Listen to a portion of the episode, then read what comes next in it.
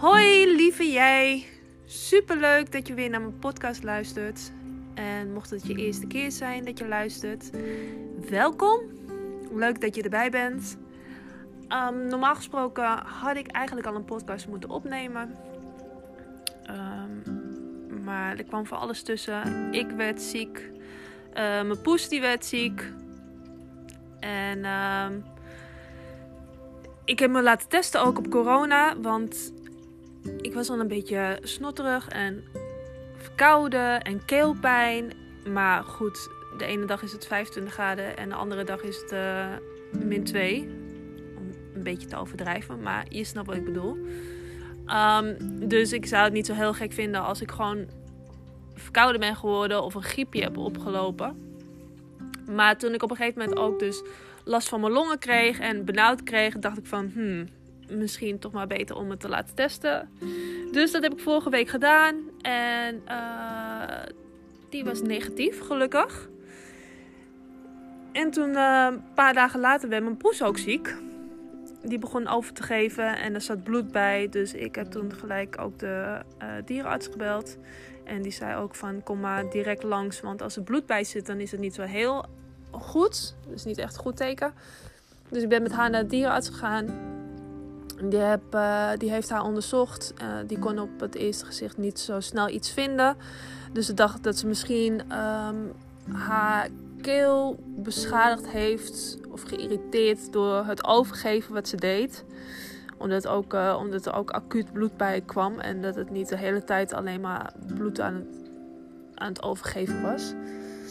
Um, dus ik had medicijnen voor haar meegekregen. Ze had daar een injectie ook gekregen. En daarna ging het eigenlijk helemaal niet zo goed met haar, want ze at ook bijna niet. Dus ik zat echt even een beetje in de stress. Ik was echt een beetje wanhopig. Um, ik had op vorige week donderdag, vorige week donderdag wilde ik dus eigenlijk mijn podcast opnemen zoals ik iedere donderdag doe. Um, ik had ook met een vriendin afgesproken om wat te gaan doen. Even een kopje koffie of iets dergelijks te gaan drinken. Ik zou mijn nagels laten doen, maar ik was zo overstuur. En ik had echt zoiets van, ik ga boeboe, mijn poes dus, niet uh, alleen laten uh, als het dus niet eet. Uh, of tenminste met moeite. Ik kon met moeite een beetje eten bij de naar binnen krijgen. Maar haar brokjes liet ze bijvoorbeeld staan. Drinken deed ze ook bijna niet. Dus ik wilde gewoon echt thuis blijven om haar in de gaten te houden. En toen donderdagavond ging ze gelukkig weer uit haarzelf eten. Op, op een gegeven moment hoorde ik haar ook de brokjes eten. Dus uh, dat kwam gelukkig allemaal goed. En uh, dus dat was wel echt een hele opluchting. Maar goed, ik kwam er dus niet aan toe om mijn podcast op te nemen. En de dagen daarna moest ik werken. Ik voelde me ook niet echt super lekker nog steeds. Um, dus vandaar dat ik het nu vandaag doe. Kreeg namelijk ook al een berichtje van iemand. Kan, uh, kan ik een podcast nog verwachten van je?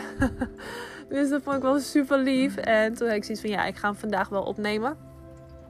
Omdat ik het onderwerp al eigenlijk al een tijdje in mijn hoofd heb. En afgelopen weekend zat ik ook met twee vriendinnen te praten in een... Uh, in onze groepschat, zeg maar. En uh, toen kwam dat onderwerp ook te sprake. Want um, ik kwam oude berichten tegen die over dat onderwerp uh, gingen.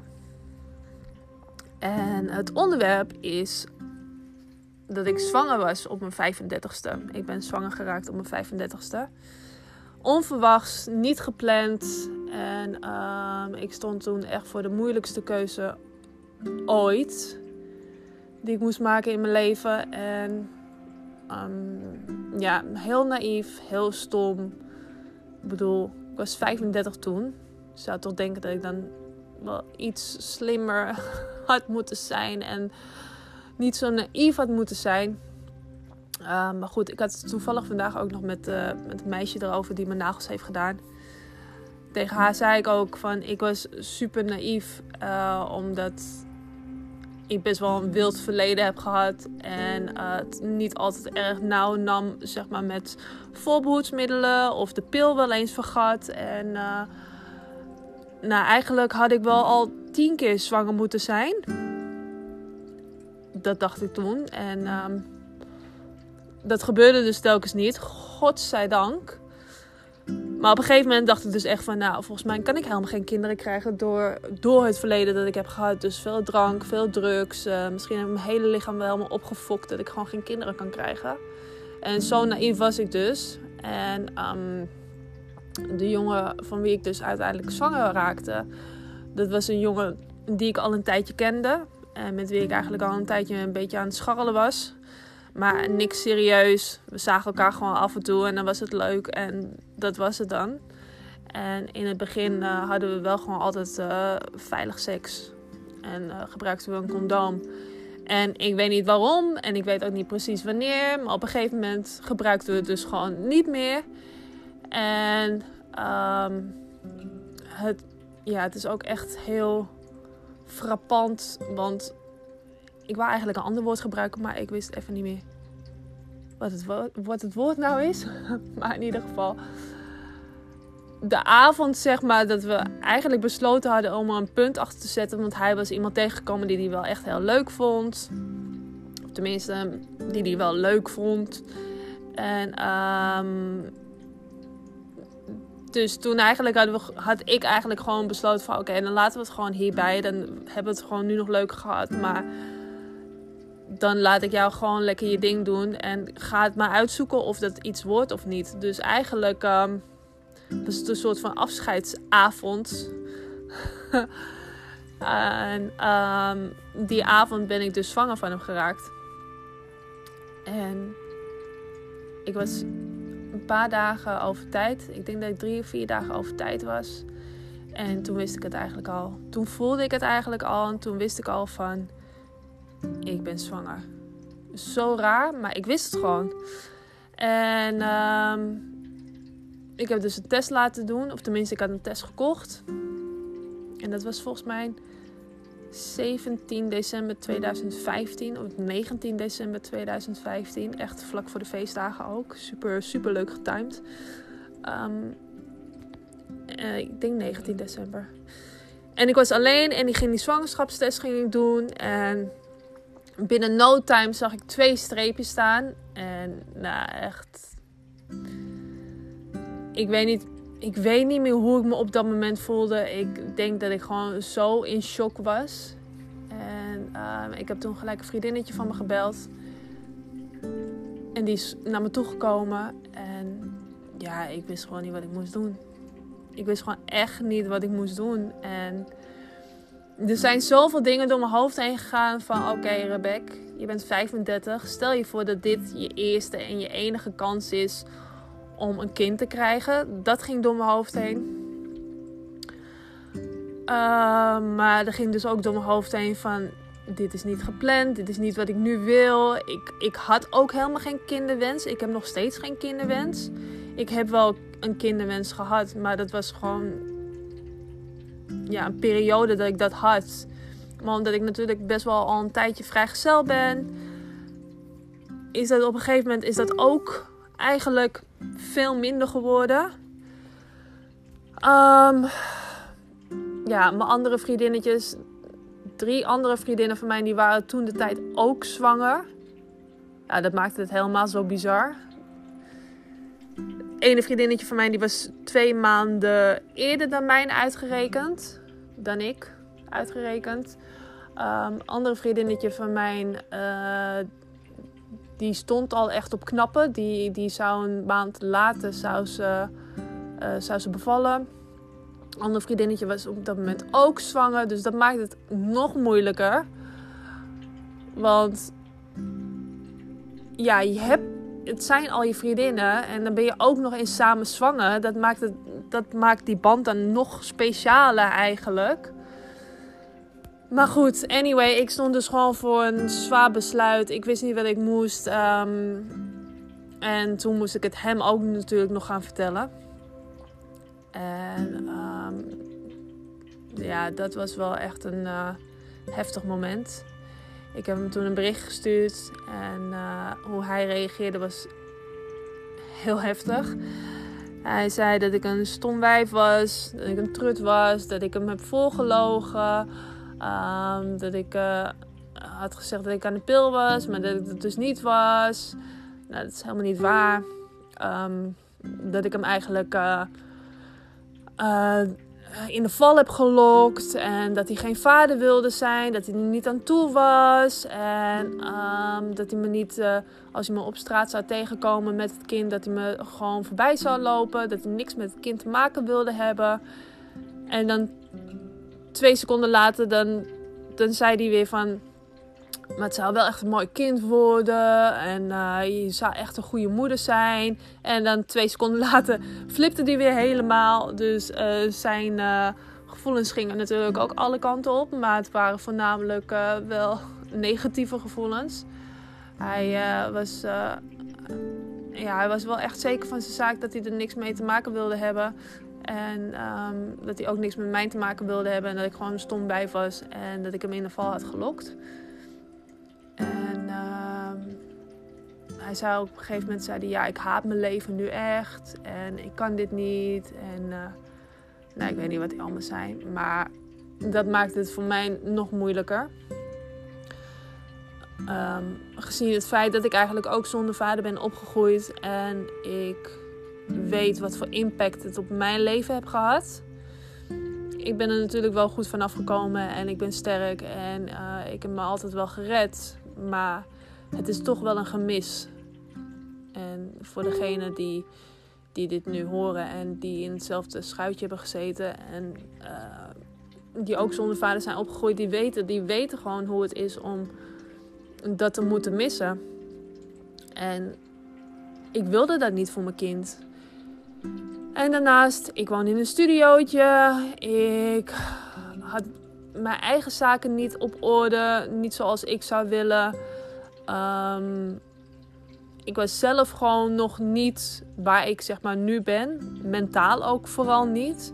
Ik was toen in die periode was ik gewoon nog aan het feesten en drugs aan het gebruiken en alcohol en aan het vluchten voor mijn gevoelens. In plaats van dat ik nu er gewoon keihard voor open sta en het maar allemaal gewoon naar binnen laat komen en ik het allemaal maar gewoon ervaar zeg maar, en doorheen ga. Zo ver was ik toen de tijd nog niet. En um, ja, ik heb toen ook gewoon besloten. Na heel lang denken ook gewoon. Ik heb het toen ook nog mijn moeder verteld, mijn broertje verteld tijdens kerst, eerste kerstdag. En die waren helemaal blij. Die vonden het helemaal leuk. Mijn moeder die wil super graag oma worden. En mijn broertje die, uh, die zag het al helemaal voor zich. En die ging al vanuit dat ik een zoontje zou krijgen. Een jongetje zou krijgen. En dat hij dan een, uh, ja, dat hij dan een oom zou worden. En hij zou dit voor hem kopen en dat voor hem kopen. Dus dat, dat maakte het nog moeilijker. Want ik wist dat ik aan de ene kant heel veel steun zou krijgen van de mensen om me heen. Maar aan de andere kant stond ik er wel helemaal alleen voor. Ik bedoel, ik had geen partner, weet je. Um, die wilde er niks mee te maken hebben. De vader wilde er niks mee te maken. Niet alleen met het kind, niet, maar ook niet met mij. Als het kind ziek zou worden, ik zou er alleen voor staan. Ik, uiteindelijk, hoeveel hulp je ook van mensen om je heen krijgt, instanties of wat dan ook, je staat er wel alleen voor. En ik heb het ook gezien om me heen. De mensen die alleen een kind opvoeden, echt petje af. Ik heb er echt dikke respect voor. Het is gewoon moeilijk. Of tenminste, het is niet moeilijk. Het is gewoon heftig. Het is niet iets wat je voor jezelf wilt en voor je kind niet. En dus nadat ik het mijn moeder had verteld en mijn broertje had verteld en ik toen ook nog echt niet wist wat ik moest doen of wat ik wilde doen, heb ik het nog met een paar vrienden besproken ook. En die zeiden ook van ja, Rebecca, je moet echt doen waar jij je het beste bij voelt. En wat jij denkt dat het beste is voor, voor het kind. En ik wist dat ik op dat moment niet de moeder voor het kind kon zijn die mijn kind zou verdienen. En ik wil gewoon de allerbeste moeder zijn die er dan bestaat. En ik weet dat ik een goede moeder zou zijn tuurlijk. Maar niet op de manier, ja, ik weet niet hoe ik het precies moet uitleggen, maar niet niet genoeg, zeg maar. Ik zou niet de moeder zijn voor mijn kind die, de, die hij of zij zou verdienen. Ehm, omdat ik gewoon zelf gewoon niet was waar ik vandaag de dag ben. Mentaal ook gewoon. En um, wellicht was het wel veranderd geweest als ik wel had besloten om het te houden. Uh, wellicht was mijn hele mindset toen, toen ook gewoon veranderd. Was ik gewoon veranderd als persoon. Maar ik heb alsnog toen wel de keuze gemaakt om het kindje niet te houden. En uh, dat was een hele heftige en moeilijke keuze. Ik voelde me er echt slecht bij. Um, maar het was voor mij wel op dat moment de juiste keuze. En niet alleen voor mij, maar ook voor het kindje. En ik weet nog dat ik uh, alleen naar de abortuskliniek ging. En dat was op 29 december volgens mij. Ja, 29 december. En dat was in Leiden, want hier in Amsterdam zat het helemaal vol. Dus ik ben alleen naar Leiden toe gegaan. Niemand kon met me mee. Het was op een doordeweekse dag. Ik ben er alleen naartoe gegaan. En toen dacht ik nog bij mezelf van... Als ik straks een echo krijg en ik zie het kindje, ik zie dat er iets zit, dan weet ik niet of ik wel kan doorzetten. En toen kwam ik daar en het is zo bizar. Ik was zo rustig daar.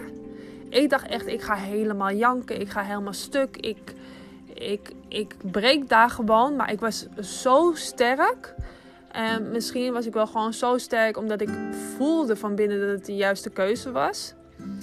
En toen ik ook op een gegeven moment uh, ging liggen om die echo te doen. Ja, dat is zo bijzonder. Ik bedoel, de mensen die dit nu horen. Uh, weet je, als jij dit nu hoort en je hebt een kindje gehad of je bent zwanger geweest of wat dan ook, dan weet je wat ik bedoel.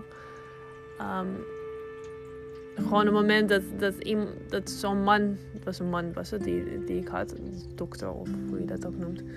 Um, als hij dan met zo'n ding over je buik heen gaat om te kijken waar dat vruchtje zit. Ja, wauw, het is gewoon heel bijzonder.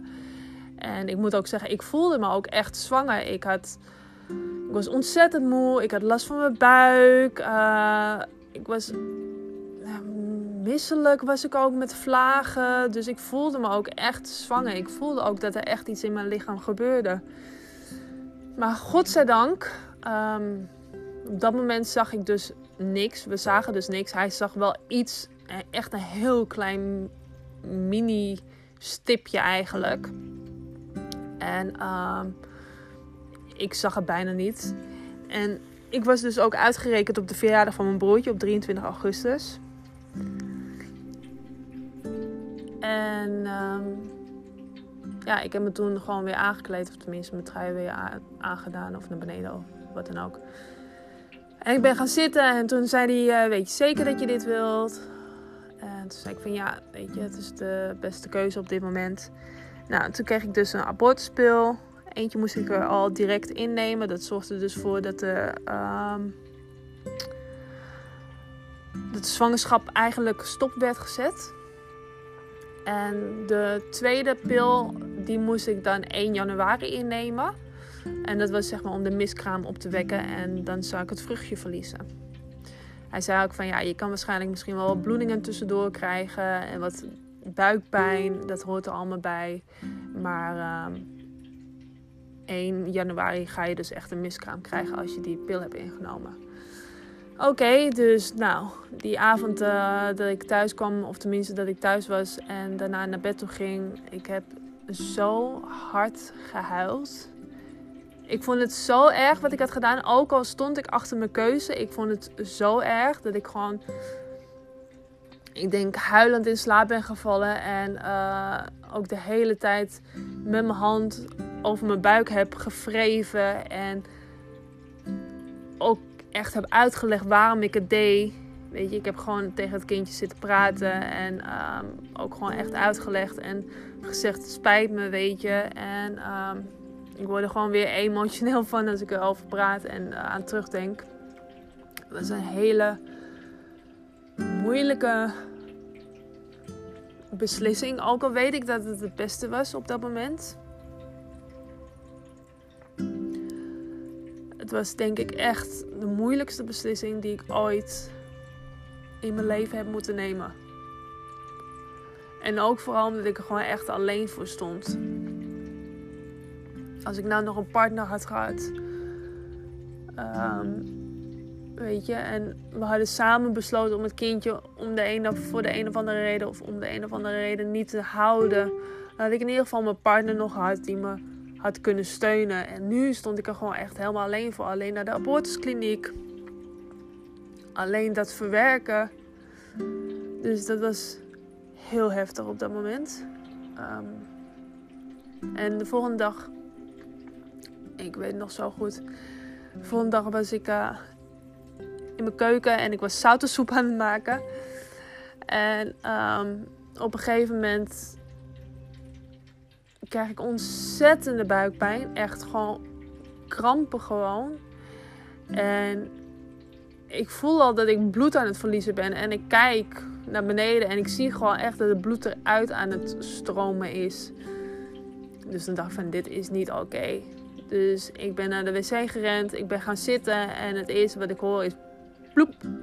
Ik hoorde gewoon iets in de wc-pot vallen. En ik wist gewoon al gelijk dit is het kindje, dit is het vruchtje. En um, ik zat eerst vijf minuten lang, denk ik, gewoon totaal in shock op de wc. Ik durfde niet te kijken, ik durfde niet op te staan. Ik durfde gewoon helemaal niks. Want ik wist, ik wist gewoon, dit is, dit is het gewoon. Dit, dit is gewoon het vruchtje wat ik in me had. En op een gegeven moment ben ik wel opgestaan. En ben ik ook gaan kijken. En ja, lag een hele bloedprop lag er in, in de wc. En um, ik zag ook, ik zag gewoon, ik weet niet of ik het wilde zien of, of dat ik het echt zag, maar weet je dat mijn verbeelding misschien was, maar ik zag echt het vruchtje er ook in zitten. Um, en ik heb toen ook gelijk mijn vriendinnetje gebeld, die zou naar me toe komen. Dus uh, die was er vrij snel, was ze er voor me. En die zei ik tegen van nee, nee joh, dat zal, het zal wel niet het vruchtje zijn, want je hebt je abortuspil nog niet ingenomen. En uh, die had ik natuurlijk nog niet ingenomen, die moest ik pas twee dagen later innemen. Maar ik zei ook tegen haar, zeg, nee, dit, ik weet gewoon zeker dat dit het vruchtje is. En uh, toen kwam ze en toen heeft ze ook gekeken. En toen zei ze, ja, dit is waarschijnlijk wel uh, ja, het vruchtje inderdaad. En toen heb ik de abortuskliniek heb ik gebeld. Heb ik het verteld. En toen zei ze van ja, het zou heel goed kunnen dat, dat je het al kwijt bent. Dat je het al verloren bent. Maar je moet alsnog de abortuspil innemen. Want het kan nog, weet je, er kan nog het een en ander kan nog binnen zitten. Wat er nog uit moet. En dat was dus met uh, oud en nieuw. En ik moest werken. Dus ik stond met oudjaarsdag. Stond ik... Uh, met knallende pijn in mijn buik. Uh, en nou, ik denk dat ik uh, volgens mij wel vier maandverbanden in moest doen om, om al dat bloed tegen te houden, of tenminste op te vangen. Want ik was zoveel bloed aan het verliezen op dat moment. En ik had zoveel pijn. Ja, het was echt een verschrikkelijke ervaring. Um, ja, en het is nu vijf jaar geleden. Zes jaar geleden alweer bijna. Het wordt gewoon zes jaar. En het is um, nog steeds wel iets wat als een rode draad door mijn leven heen loopt. En ook al weet ik dat ik op dat moment de juiste beslissing heb genomen, is het wel iets wat ik de rest van mijn leven gewoon met me mee zal dragen. En zeker ook omdat mijn vriendinnen natuurlijk wel hun kindjes hebben gekregen. En uh, het ook een soort van confronterend voor me is om te zien van... hey, weet je, mijn kindje zou ook die leeftijd zijn geweest. Hoe zou dat zijn geweest? Hoe zou ik zijn geweest als moeder zijn? Hoe zou mijn leven eruit hebben gezien?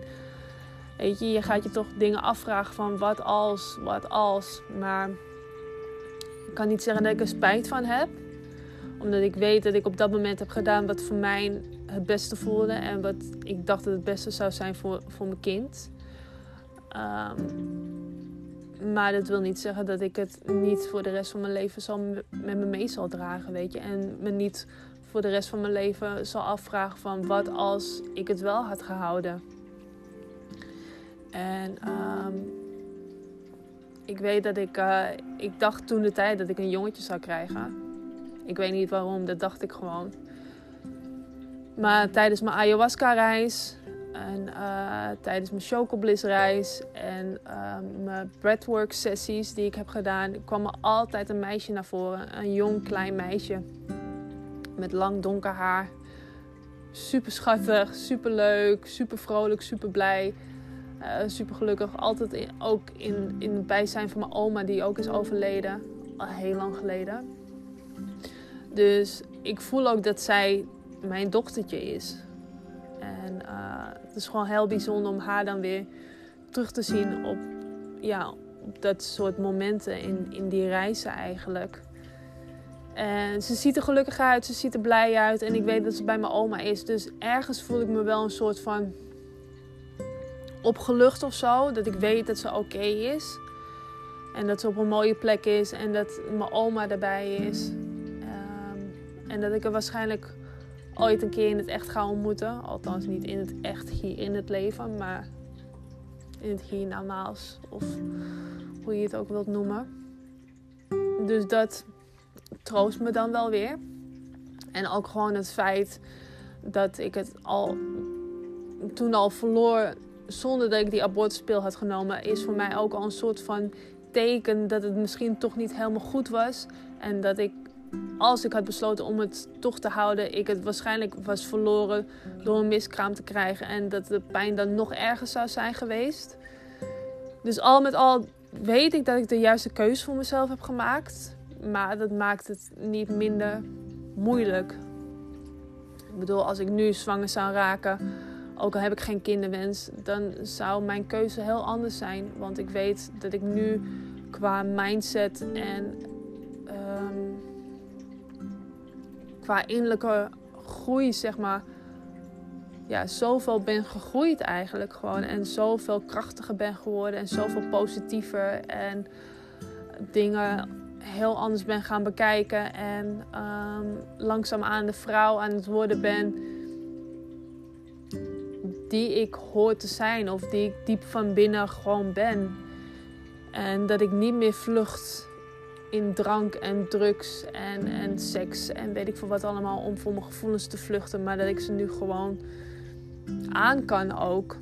En dat ik ook zoveel beter zou, nou niet beter, maar een zoveel sterkere moeder, weet je, qua ik het zeggen? Ik zou nu veel meer de moeder voor, voor mijn kind kunnen zijn dan dat ik toen de tijd had kunnen zijn. En daar ben ik gewoon van overtuigd. Ik ben zoveel volwassener geworden in de afgelopen vijf jaar. Zeker in de afgelopen twee jaar. En um, ook al heb ik nog steeds mijn struggles. Ik weet dat ik zo veel sterker ben geworden door die struggles en die tegenslagen. Dus als het me nu nog zou overkomen, dan zou ik absoluut een andere keuze maken. Um, maar ja, het blijft toch een gemis. En het zal iets zijn wat altijd in mijn hoofd blijft spelen. En um, ja, ik weet niet um, wat ik er nog meer over kan vertellen. Dat is wel iets dat ik gewoon heel graag kwijt wilde. Omdat ik weet dat dit vaak, helaas vaak voorkomt. Door ik ken genoeg meiden die dit ook hebben moeten doorstaan. Um, en die ook voor deze keuze hebben gestaan. En ik was altijd wel een beetje ik had altijd wel een beetje mijn oordeel klaar van ja, hoe kan je nou zo stom zijn en uh, bla bla. En uh, je gebruikt gewoon condooms of wat dan ook. En dan overkomt het jezelf, weet je. Dus um, je, je, kan geen oordeel hebben over, over die situatie. Ja, tenzij het vier, vijf, zes keer gebeurt, dan heb ik wel op een gegeven moment van ja. Dan ben je toch wel erg onverantwoordelijk bezig. Dat is mijn mening dan. Weet je? Ehm, en het is niet niks. Het is wel een mensenleven wat je op dat moment gewoon in handen hebt. En jij hebt gewoon de macht erover om te bepalen of je dat wil laten leven of niet. En als dat één keer gebeurt, is dat al heel heftig. Maar als je dat vier, vijf, zes keer doet, dan is het ja. Ik weet niet. Ik zou dat denk ik niet, uh, niet zo ver willen laten komen. Althans, ik zou er alles aan doen om het niet zo ver te laten komen. Maar goed, nogmaals, ik ga geen oordeel hebben over andere mensen, omdat ik weet hoe het is om in zo'n situatie te zitten. Dus um, ja, dat was mijn moeilijkste keuze ooit in mijn leven. En um, ik wens dat niemand toe. Echt niemand. Want weet je, welke keuze ik ook had gemaakt, als ik nou een andere keuze had gemaakt, als ik wel het kindje had gehouden, dan was het ook. had het ook een hele grote impact gehad op mijn leven, maar dan op een andere manier. En nu heeft het ook gewoon een hele grote impact op mijn leven. Maar ik heb mijn kindje toen ook gewoon beloofd van alles wat ik nu ga doen met mijn leven, doe ik gewoon voor jou, weet je. Om, dat, om jou trots te maken. Dat ik niet voor niks deze keuze heb gemaakt. Dat ik niet voor niks afstand heb genomen van jou. Om, om mijn leven op hoe zeg je dat, op. Uh, ja, jeetje, ik, ik weet even niet meer wat voor. Om mijn leven gewoon te herpakken, om mezelf te herpakken. Dat heb ik mijn kind gewoon beloofd. Ik heb gewoon gezegd van de keuze die ik nu heb gemaakt, maak ik niet zomaar. En ik beloof je dat ik er nu alles aan ga doen om iets van mijn leven te maken, om iets van mezelf te maken, om mijn leven te herpakken, om jou trots te maken, om mocht het nog een keer te gebeuren, dat ik dan wel de moeder kan zijn die ik heel graag wil zijn. En uh, ja, dat is nu ook iets wat ik doe. Ik bedoel, ik, die persoon die ik vijf jaar geleden was, die ben ik al lang niet meer. Ik, ik mijn prioriteiten zijn veranderd. Ik ben veranderd. Ik wil wat maken van mijn leven. Ik wil mezelf trots maken. Ik wil haar, als het een haar is, ik ga ervan uit dat het een haar is. Ik wil haar trots maken. Ik wil niet voor niks die keuze hebben gemaakt. Ehm, en nog steeds in hetzelfde patroon zitten door te gaan feesten en drugs te gebruiken en naar de kloot te gaan en woehoe, lang leven de lol. Ehm, nee, weet je, dan had ik dat kindje net zo goed kunnen houden en lekker zo door kunnen blijven gaan. Maar nee, dat, uh, dat is niet mijn, mijn intentie meer. Dus dat eigenlijk. Dus dat wou ik delen. Ik weet dat er veel mensen zijn die dit soort dingen meemaken of hebben meegemaakt. En ik wil zeggen, ik voel je. Ik weet hoe heftig dit is. Ik weet hoe moeilijk dit is. Ik, um, ik wil alleen zeggen dat wat voor keuze je ook maakt op dat moment, het is oké. Ook al zijn er andere mensen om je heen die niet vinden dat je de juiste keuze maakt. Als jij voelt dat jij op dat moment de juiste keuze maakt, is dat oké. En um, zorg ervoor dat je niet met een schuldgevoel blijft rondlopen, want daar heb je niks aan. Daar heb je zelf niks aan, maar daar, daar krijg je ook niet je kindje mee terug. Of daar kun je ook niet de, de tijd mee terugdraaien. Of wat dan ook. Het is wat het is. Het is gebeurd. Het is verschrikkelijk. Ik zou er ook mee moeten leren leven. Ik moet ook een plekje zien te geven. En eh, dat lukt ook wel. Ook al heb ik soms nog steeds momenten dat ik het gewoon moeilijk heb. En dat ik eraan moet denken. Maar. Weet je, ga jezelf niet afstraffen of jezelf onnodig kwellen door, um, ja, door boos te zijn op jezelf dat je die keuze hebt gemaakt. Of, of ja, het is wat het is. Ik ben ook niet boos op mezelf. Ik bedoel, op dat moment heb ik gewoon de juiste keuze gemaakt. En daar moet ik gewoon mee leren leven. En ja, dus dat eigenlijk. Ehm, ik hoop dat er gewoon mensen zijn die hier misschien gewoon weer een beetje troost uit kunnen halen. En ehm, minder hard voor zichzelf zijn. En ja, dat eigenlijk. Ik ehm, ga dit afsluiten. Ik ga afronden. Ik ga zo meteen ook lekker tijd naar bed toe. En um, waarschijnlijk ben ik er deze week nog een keer. Omdat ik natuurlijk uh, nu uh, vier dagen later. Uh, vier dagen later? Ja. Vier dagen later pas een podcast heb opgenomen. Dus waarschijnlijk ben ik er deze week nog een keer. En anders ben ik er volgende week gewoon weer. Fijne avond, of fijne ochtend, of fijne middag, wanneer je dit ook luistert. En tot snel. Doei doeg!